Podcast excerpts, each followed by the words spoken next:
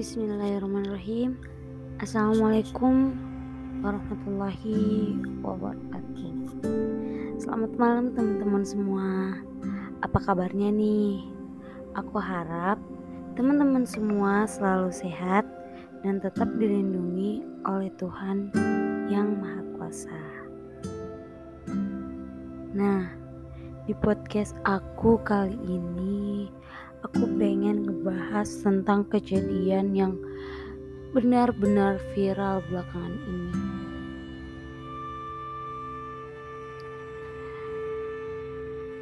Sangat banyak kejadian pelecehan seksual yang terjadi belakangan ini. Bentuk-bentuk keadilan pula untuk para wanita di luar sana sangat banyak kita lihat. Beberapa kali berita-berita mengenai para perempuan kuat di luar sana lewat di beranda sosial media yang sedang aku gunakan. Salah satu contoh kasusnya seperti mahasiswi di suatu universitas yang terkena kasus pelecehan seksual oleh dosennya sendiri sehingga ia dicoret dari daftar yudisium di kampusnya. Ataupun masalah lain seperti mahasiswi yang tewas menenggak racun yang pernah melaporkan kejadian pelecehan seksual yang ia alami dan banyak kasus lain. Kasus rumah tangga pula kekerasan dalam rumah tangga dan banyak sekali kasus yang terjadi belakangan ini. Tapi yang paling mengenaskan dari semua kasus yang terjadi adalah tidak ada yang membela mereka untuk menegakkan keadilan. Seakan-akan penegak hukum semuanya menghilang. Hukum pula tidak berlaku di negeri ini. Ada juga kasus lain yang kulihat yang terjadi di rumahnya sendiri yang mana seharusnya rumah menjadi tempat ternyaman dan teraman kita untuk tinggal dan menetap. Salah satu pertanyaan aku, bagaimana sih seharusnya kita para wanita menanggapi hal-hal mengerikan yang terjadi di luar sana. Diam, memberontak, atau kita terlalu banyak larangan ini dan itu, sehingga wanita selalu dipandang sebelah mata.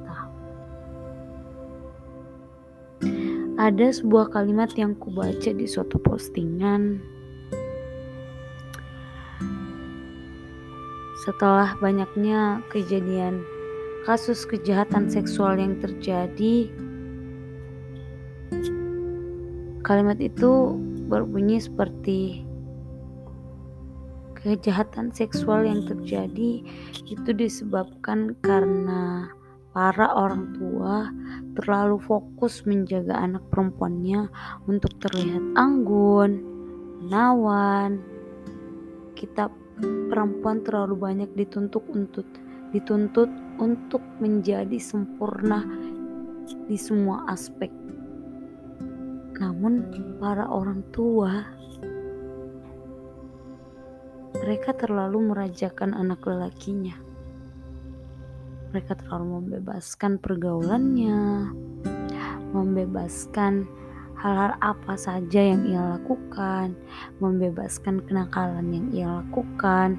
Padahal seharusnya anak-anak lelaki atau para lelaki juga harus diperhatikan dan dibimbing agar bisa menjaga dan menghormati wanita. Walau bagaimanapun, wanita dari wanita lah mereka lahir ke dunia ini. Sebenarnya kejadian untuk pelecehan seksual dan segala macamnya sudah terjadi sejak lama. Yang tidak ada itu hanya keadilan yang tegak bagi para korban di luar sana. Dan negara kita masih sangat menganggap remeh mengenai kasus pelecehan ini.